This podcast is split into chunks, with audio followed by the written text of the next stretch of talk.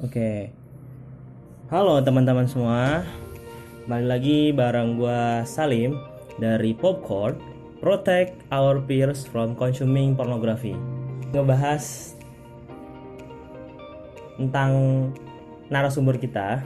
Jadi kali ini Popcorn Stories. Kali ini judul podcast kita Popcorn Stories. Jadi akan ngebahas tentang pengalaman nih. Jadi di sini kita udah hadir di sebelah gua ada narasumber namanya Foster. Jadi dia ini mahasiswa UI yang akan menceritakan ceritanya itu, yang akan menceritakan kisahnya tentang gimana pengalaman dia mulai dari kecanduan sampai sekarang gitu. Dia lagi perjuangan buat proses berubah teman-teman. Oke, Eh, mungkin langsung aja kali ya. Foster mungkin bisa kenalin diri dulu. Eh, ya, eh, perkenalkan nama gue, nama gue Foster di tentunya disamarkan ya. Eh, not my real name intinya. Eh, gue mahasiswa UI angkatan 2015 masih kuliah sekarang Oke. dan ya dan gue salah sa- salah seorang yang edik sama porn gitu Oke. Thank you Poster udah kenalin diri. Jadi pertama nih kita akan ngebahas gua akan nanya nih ke lo ter. Mana Foster apa ter nih? ter Foster juga Oke, Fos Fos Fos. Oke, Foster. eh, boleh dong ceritain mungkin dari awal gimana ceritanya lo bisa kenal yang namanya porn gitu. Eh, sebenarnya kebanyakan eh sebenarnya kalau misalnya kita kenal sama dunia porn kayaknya ya eh gue pribadi tuh ngebagi dua eh, ngebagi orang sebagai eh, dari jadi dua macam kalau yang kenal porn. Pertama itu emang eh, dia dikasih tahu dikasih tahu temannya atau enggak eh, orang ini eh, mendengar sana sini ada orang ngomongin sesuatu dan dia cari tahu sendiri gitu. Yang pertama dikenalin yang kedua dia cari tahu sendiri gitu. Dan gue tuh orang yang tipe kedua. Eh, orang yang awalnya pendiam introvert lugu eh, masih nggak kenal apa-apa yang gitu-gitu. Cuman dulu tuh kecil sempat ada kayak eh, entah TK atau SD itu kayak eh ada sesuatu eh, gimana ini ceritanya? Jelasin Apa tuh? eh mungkin ada sentuhan-sentuhan eh, self Siapa apa? apa ya istilahnya ya ya intinya mungkin waktu SD sama TK itu Heeh. kayak udah mulai ada merangsang sedikit ke bagian eh, kemaluan Oke. itu juga nggak tahu mana kayak kenapa kayak ada timbul rasa itu kayak muncul tiba-tiba gitu kayak kayak ada ada ada ada gambar cewek cantik gitu misalkan Heeh. itu kayak rasanya kayak ada pengen nyentuh bagian bawah itu kayaknya. Oke. itu dari SD TK itu Tet- eh, nah, tapi kenal sama pornnya ini kenal sama pornnya ini pas lagi SMP SMP Oke. eh enggak cari tahu pornnya itu Mhm. SMA cuman eh, terpaparnya sama eh, gambar-gambar kayak gitu di SMP Oke. itu itu konsol pertama kali SMP itu ada teman dari abang itu dia bawa flash disk Hmm.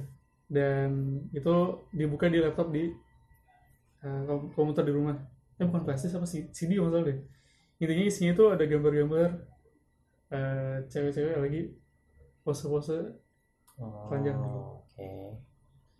dan dulu masih nggak ngerti kayak wah apaan tuh gitu Hmm. Tempat ada rasa rasa pengen lihat lagi sih cuman ah apaan sih? Gitu kayak masih belum terlalu eh, pengen banget ngeliatin gitu. Udah tau wah dosa jangan main ngeliatin kayak gitu. Eh, akhirnya eh, ya sampai akhirnya eh itu mulai coba-coba sendiri tuh pas 3 SMP nggak salah ya. Tiga SMP. kelas Oke. 3 SMP kalau nggak salah ya. Itu pun juga sebenarnya agak agak kurang seru sih ag- agak agak aneh kalau ceritain gitu. Cuman ya intinya eh gue itu waktu itu masalah ya lagi Hmm. main The Sims. Lagi mainin The Sims itu ada cheat eh, supaya sensornya dihilangin gitu. Oh. Oh Dan ada tuh kayak gitu? ada gitu lagi main The Sims. Oke. cheatnya eh, kayak mod lah mod gitu Intinya buat ngilangin sensornya. Hah? dan gue tuh mulai penasaran pengen coba-coba. Kayak wah ntar kalau misalnya di ini kayak gimana bentuknya ya gitu. ngerti ngerti. Akhirnya eh ya dari situ mulai tuh kayak kok ada keluar sesuatu di bagian bawah gitu. Hmm. kayak ada cairan gitu. Ya udah akhirnya belum sampai ngeluarin secara paksa ya. Istilahnya ngeluarin secara paksa ya. Ya yang M-nya itu. Nah terus eh, di SMA lah baru mulai berani kayak nge-search hal-hal kayak gitu. Oke. Di Google. Karena orang-orang kayak apa nyampein istilah-istilah istilah-istilah yang belum pernah gue kenal dari sebelumnya kayak oh. kayak misalkan apa ya coli. Atau nggak ada istilah eh lagi ex hamster misalkan. Oke. Eh, itu ternyata website bokep kayak gitu. Hmm. kayak eh, oh jadi kayak gitu akhirnya gue cari-cari sendiri di rumah penasaran. Ya akhirnya ya kayak gitu kenal gitu gitu. Oke, berarti kalau gua coba review, awalnya lo terpapar ketika ada temen dari kakak lo gitu ya, Iya. membawa flash disk yang isinya ternyata bokep gitu ya, gambar-gambar. Gambar-gambar ya cewek-cewek. telanjang gitu ya. Udah situ sampai akhirnya lo main The Sims dan penasaran dan baru ketika SMA lo dapet eh, istilah-istilah itu dan Informasi-informasi cari gitu ya. Iya. Oke. Nah, itu kan berarti dari awalnya terpapar ya, awal kenal gitu. Nah, itu akhirnya kenapa gitu? Prosesnya gimana sih? Dari mulai lu tadi nyari sendiri, kan nggak mungkin orang sekali dua kali nyari tiba-tiba bisa kecanduan. Pasti kan bisa berkali-kali gitu. Nah, gimana tuh prosesnya? Kenapa akhirnya lu bisa sampai kecanduan gitu? eh entah sih gue kadang suka eh, beda suka bingung bedain antara kita emang pengen emang pengen emang suka maksudnya Hmm. emang ngelakuin itu suka sama eh, ngelampiasin sama hal-hal yang kayak ngelampiaskan hal-hal negatif yang kita alamin kayak misalnya kita depresi atau kita lagi stres atau nggak lagi ada masalah Hmm. tiba-tiba eh, pengen ngelepasin masalahnya di eh, ngelampiasinnya di porn Oke. atau enggak emang emang gue ini suka ngelakuin itu kayak gue suka suka susah sus- juga suka susah ngebedain dua hal itu kayak Oke. apakah gue emang benar-benar suka atau enggak apakah ini emang cuman karena gue ngelakuin sesuatu karena gue ada masalah di balik itu kayak gitu. Hmm. gue suka susah bedain itu soalnya gue pribadi emang punya masalah dalam uh, personal kehidupan sehari-hari emang selalu ada Hmm. masalah dan mungkin gue suka tingkat apa tingkat vulnerabilitas gue tuh cukup rendah mungkin Hmm. jadi ketika gue dikenain sama masalah gue kadang suka suka apa namanya turbulen suka intinya terganggu lah kondisi apa ji apa gitu Psikologis. psikologis gitu Iya. kayak nggak bisa sebodoh amat itu sama masalah Hmm. ya mungkin juga salah satu penyebabnya gara-gara masalah itu kayak misalkan ada hmm, self bukan self blaming kayak nyalah-nyalahin keadaan terus uh, suka membanding-bandingkan suka gimana ya karena gue pribadi juga ada masalah sama orang tua Hmm. sama abang terus sama teman-teman kadang Hmm. ya itu yang bikin gue suka nggak emosinya terganggu lah intinya kondisi emosinya terganggu. Dan dari masalah lo itu pelariannya ke porn atau gimana? sebenarnya pelariannya cuma pelariannya nggak cuma ke porn Hmm. ada game juga Oke. di porn game juga. game Berarti lo game addict juga nih? game addict juga Oke. Jadi ya dua hal itu sebenarnya musuh terberat sih maksudnya zona zona nyaman yang sulit banget buat ditinggalin Yap. untuk saat ini kayak gitu Oke. Berarti intinya kalau gue coba simpulin, lo punya masalah, ya entah dari keluarga, entah dari pertemanan, terus dari situ akhirnya pelampiasan lo entah antara ke porn atau ke game gitu ya. Hmm. Oke. Oh, Eh, nggak tahu juga sih soalnya gue juga ngerasa kayak apakah gue emang ditakdirkan sebagai manusia yang punya hormon di bidang tinggi atau Oke. gimana soalnya gue sejak kecil pun kayak udah mulai coba-coba sendiri apakah gue emang kayak gitu dari lahir Oke. nggak tahu juga gue suka mikir gitu Oke, nah, gue jadi penasaran nih, sebenarnya eh, kondisi apa aja yang menyebabkan lo akhirnya kepengen nonton porn gitu? Kan pasti ada pemicu-pemicunya dong ya. hmm. Nah itu bisa nggak lo ceritain biar kita lebih jelas nih, kapan aja sih lo biasanya kepengen buat nonton lagi dan nonton lagi? oke berarti kalau based on experience berarti itu istilahnya trigger gitu Ya trigger. trigger jadi hal yang men-trigger kita buat ngelakuin relapse relapse itu kan Iya. istilah kalau bagi para fighter dari PMO ini Hmm. istilah buat ketika kita udah lagi berjuang terus kembali ke kebiasaan buruk itu namanya relapse Hmm. nah jadi itu yang men-trigger itu biasanya eh, Instagram kita Oke, tiba-tiba lagi scroll scroll tiba-tiba ngeliat wah ada ada yang ada yang mending-mending nih gitu Iya. misalnya ada yang Oke. ada yang menarik terus eh, terus kalau lagi lagi jalan kadang nggak Hmm. nggak sengaja nggak sengaja bukan nggak sengaja juga sih kadang disengaja kadang disengaja Hmm. ngeliat eh, yang ngeliatin cewek lah intinya Oke. Kita nggak nunduk, nundukin pandangan terus yang ketiga itu apa lagi ya sendiri Sendirian. Oke. Sendiri ini maksudnya sendiri secara fisik atau sendiri secara psikologis? Maksudnya sendiri secara psikologis, lu sebenarnya lagi di antara banyak orang, lu punya teman banyak tapi lu sering ngerasa sendiri gitu. Gimana tuh sendirinya? Eh, kalau gue dua-duanya Dua-duanya. Ya, ketika itu kayak kalau misalnya emang lagi di dunia sosial, maksudnya di sama Hmm. lingkungan orang teman-teman terdekat itu kayak ngerasa suka ngerasa sendiri dan ketika sendirian literally sama sendirian secara Hmm. fisik itu hal-hal itu yang terjadi kayak mulai berselancar di dunia porn kayak gitu. Gitu. Oke, berarti karena kedua hal itu ya. Kalau tadi berarti ada tiga berarti ya? Iya, Instagram, Instagram.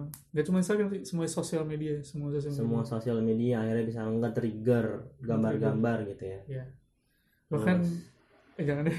Kenapa tuh? Kayak ada yang mau diceritain. Ya istilahnya mungkin ada beberapa orang ada istilahnya fetish ya. Fetish itu kan kayak Oh, ngeliatin suatu salah satu bagian tubuh bagian or- orang yang kita suka nggak cuman Hmm. kadang fetishnya bisa aja lo gay misalkan gay. Hmm. ada istilah gay cewek eh, cowok suka sama cowok karena eh, ada salah satu bagian tubuhnya yang trigger dia misalkan Oke.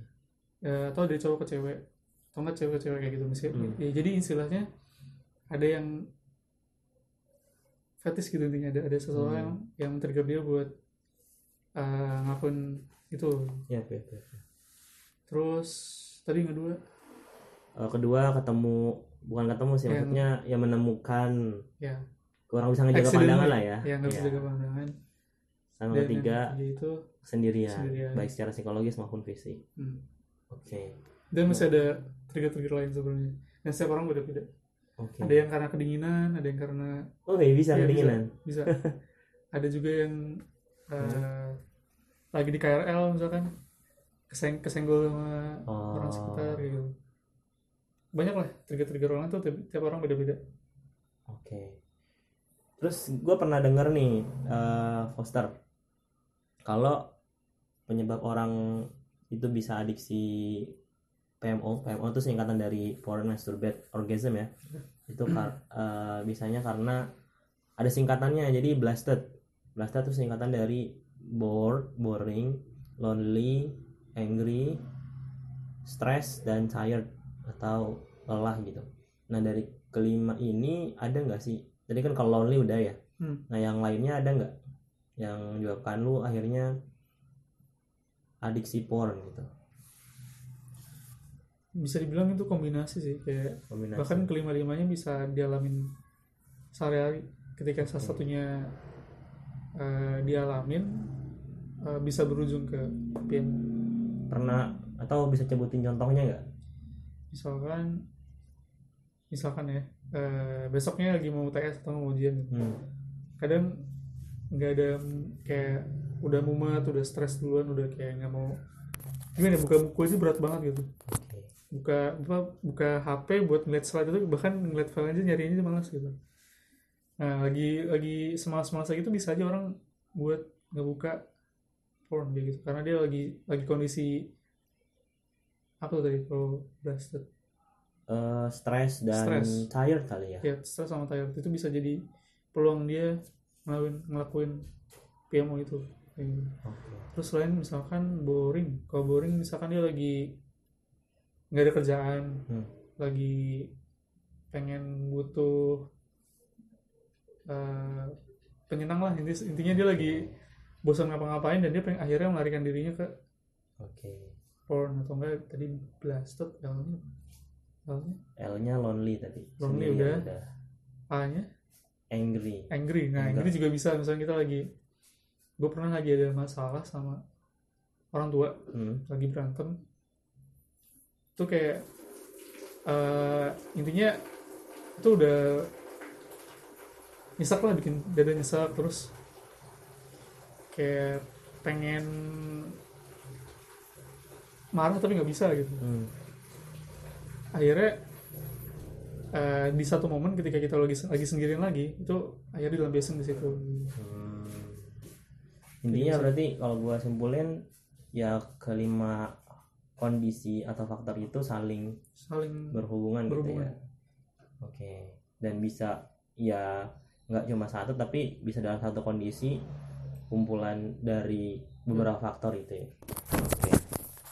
Nah pertanyaan berikutnya nih ter Oster. Eh gimana sih dampaknya ke kehidupan lu gitu dari adiksi ini? Oh berarti gue nanya dulu berarti lu adiksi udah berapa tahun Oster? Kalau eh, kenal sama adiksi ya kita pisahin ya. Hmm. mungkin kalau kenalnya setahun maksudnya kenalnya di SMA Hmm. berarti dihitung dari kelas 3 SMA aja kali ya. kelas 3 SMA sampai sekarang? SMA itu kenal.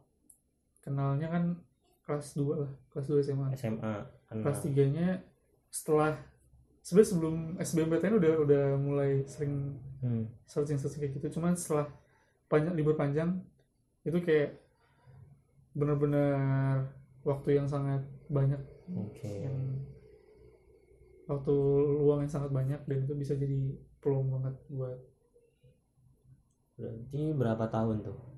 sekitar lima lah lima tahun. tahun sampai sekarang ya? Oke cukup lama juga ya.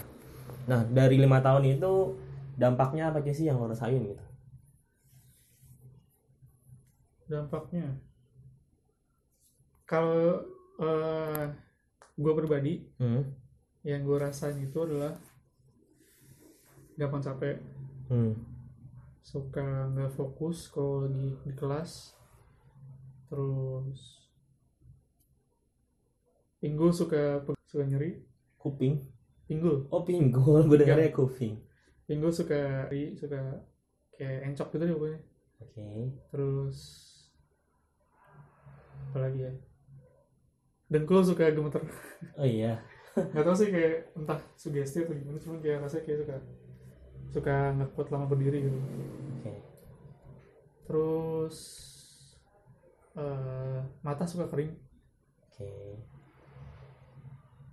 Ini kalau fisik ya. Sih kalau sosial kalau lingkungan sama sekitar tuh kayak kita jadi menarik menarik diri timbulin insecurity. Kita makin gak rasa nggak nggak apa sih insecure ya suka suka nggak ngerasa nyaman. Hmm. ah nggak ngerasa aman. Eh, cemas juga ada anxiety-nya juga ada terus kayak nggak pede ketemu sama lawan jenis oke terus apa lagi ya? nggak tahu kenapa ya setiap orang yang habis relapse pasti ketemu sama hal-hal hal-hal yang paling dia benci masalah Contohnya? besar kayak misalkan nggak tahu kenapa kayak tiba-tiba ketemu gue lagi eh, long streak nih misalkan Hmm. di long streak tiba-tiba long relapse. streak itu apa? Sorry sorry. Long streak itu apa? Long streak itu istilahnya kita udah cukup lama lah eh, bertahan ngefightnya. Oke. Udah sekitar lebih dari seminggu misalkan. Oke.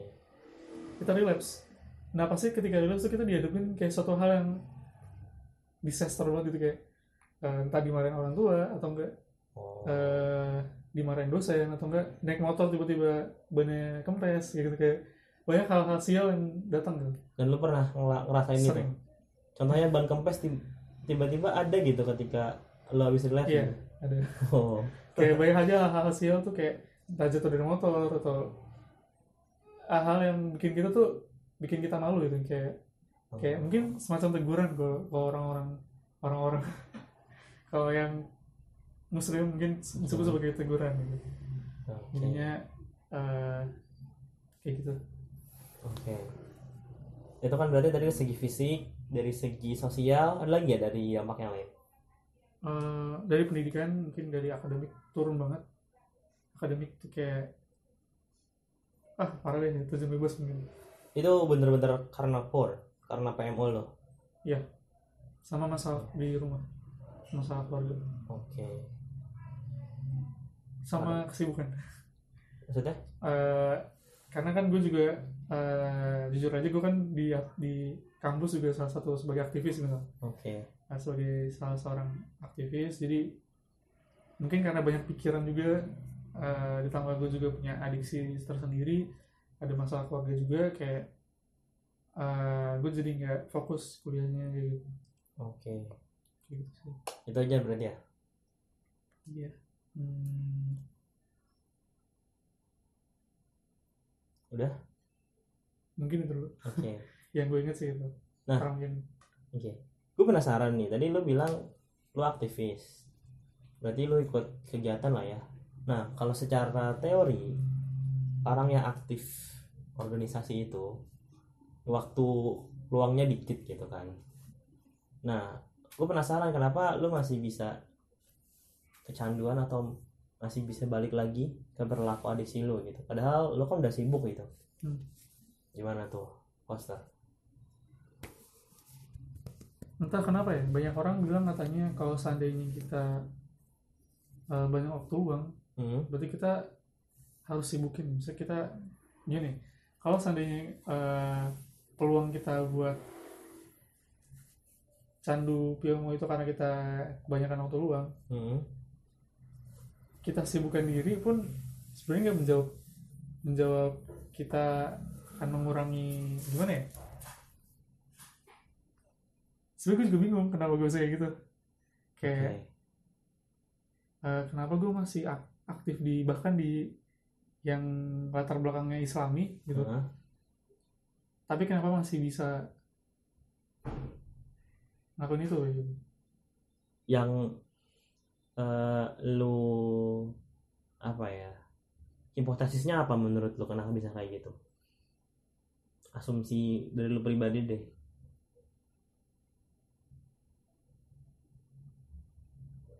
mungkin ya hmm. mungkin eh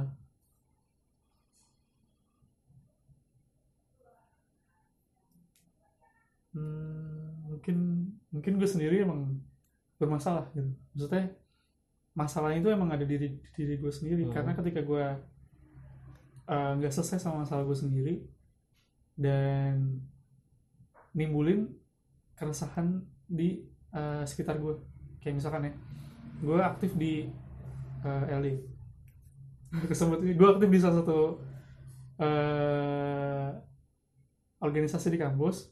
Oke. Tapi gue sendiri sebenarnya belum secara pribadi kayak mas- sebenarnya masih ada masalah gitu. Kayak misalkan gue masih suka datang telat suka late respons kayak kebanyakan emang kesalahan gue pribadi gitu. Kayak emang Oke. karena gue sering ngelakuin kesalahan itu dan gue sendiri juga yang bikin gue stres gitu. Oke. Karena itu akhirnya gue self blaming Heeh. dan gara-gara gue sendiri juga gue akhirnya eh ngelampiasin ke stresan terhadap diri gue sendiri ke porn. oke kayak gitu. Nggak tahu sih itu cuman hipotesisnya cuman jadi sebenarnya sih semua kembali ke diri sendiri gitu. Kita harus bisa damai sama diri kita sendiri sih oke. Kalau kita belum bisa menerima keburukan kita dan kita harus berupaya belum mau berupaya eh, berubah sama hal-hal yang lebih positif itu bakal jadi bumerang juga. Oke, berarti kalau gue lihat berarti karena emang di organisasi lu sering stres juga karena ngelakuin kesalahan dan Hmm. akhirnya pelampiasannya ke sana ke Hmm. porn gitu. Karena soalnya banyak juga orang yang ke- kecewa karena kinerja gue misalkan oh, oke akhirnya kayak gitu. Iya, soalnya ada ya klien gue juga nih di popcorn. Narasumber waktu gue post di popcorn stories yang infografis itu dia aktif banget dari SMP SMA sampai kuliah ikut organisasi. Ya alasannya kenapa dia bisa adiksi walaupun aktif walaupun sibuk gitu. Ya mungkin pertama karena emang adiksinya sudah lebih lama maksudnya dia adiksi itu dari SMP awal dan mungkin dia aktif organisasinya baru ketika SMA dan kuliah gitu ya itu kan akhirnya maksudnya adiksi adiksinya udah duluan terbentuk gitu ya jadi susah walaupun dia Hmm. sibuk susah lah buat dihilangin gitu aja gitu yang kedua ternyata yang ngebuat dia bisa adiksi walaupun sesibuk itu karena dia ketika organisasi kan pasti organisasi sibuk ya stres Hmm. banyak banget tekanan dari teman satu organisasi tekanan dari kerjaan. Nah dia tuh nggak punya hiburan. Saking sibuknya organisasi dia nggak mempedulikan diri sendiri kalau kan ya walaupun kita aktivis kita harus batas tahu batas diri dan kita harus bisa cari Iya. kegiatan yang bisa menghibur kita juga kan. Nah lu kayak gitu juga nggak? Misal kur- karena kurang hiburan kah? Atau gimana kah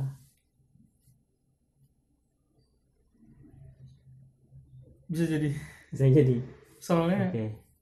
kalau dibilang kurang hiburan sebenarnya gue justru over gitu. Over. Oh. Karena gue di di rumah tuh bener-bener kayak fasilitas sebesar badan gitu. Hmm, kayak sebenarnya ujian sih justru jatuhnya. Kayak Oke. di, di, di- diuji sama kenikmatan gitu. Ya, ya, ya. Sip, sip, sip. Oke, kita lanjut ya. Nah, tadi kan udah disebutin dampaknya juga. Terus juga udah disebutin tentang eh, kalau lu juga aktivis organisasi. Terus nah ini pertanyaan berikutnya eh apa sih yang ngebuat lu sorry sorry kita ganti pertanyaannya pertanyaannya dari dampak-dampak yang lo rasain itu lu pengen berubah atau enggak?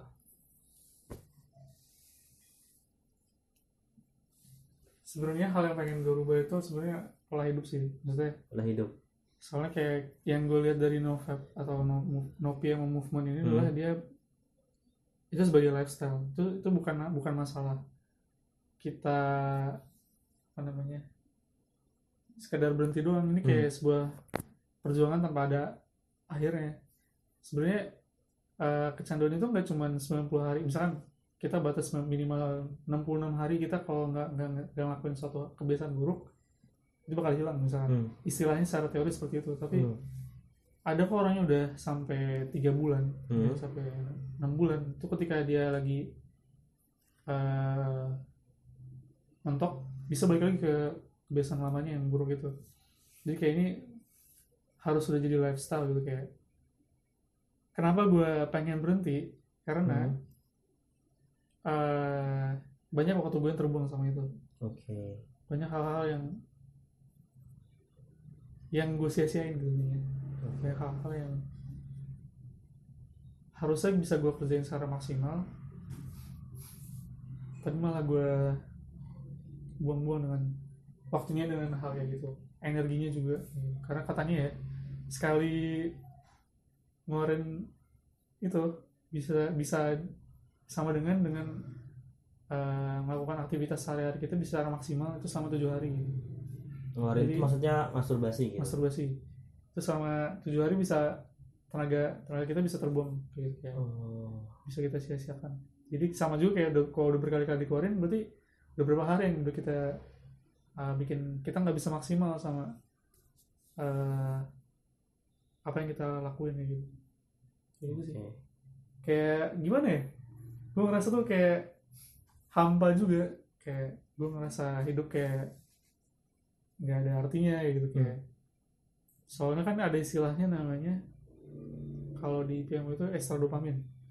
Eh, orang yang udah terbiasa sama kecanduan porn Hmm. yang tingkat level dopamin itu paling tinggi kalau nggak salah Hmm. itu udah tertinggi kalau misalnya di dunia ini kalau nggak salah jadi ketika udah terus menerus dikasih ekstra dopamin hal-hal kecil yang sebenarnya bikin kita bahagia bahagia itu jadi hilang rasanya oh, oke oke. jadinya kita kayak ngerasa hidup tuh kayak nggak ada nggak ada nggak ada rasanya lah kayak ya ya agak hampa gitu Iya, iya. ibaratnya karena udah kebiasa sama ke- kebahagiaan yang stimulasinya tinggi stimulasinya tinggi sehingga ya terlalu udah kebal gitu ya Kebal. sama hal-hal yang kecil gitu. ya dan kadang kita juga suka berespektasi lebih jadinya Ya, ya. juga bisa berdampak buruk juga ke kondisi mental dan psikologis Oke.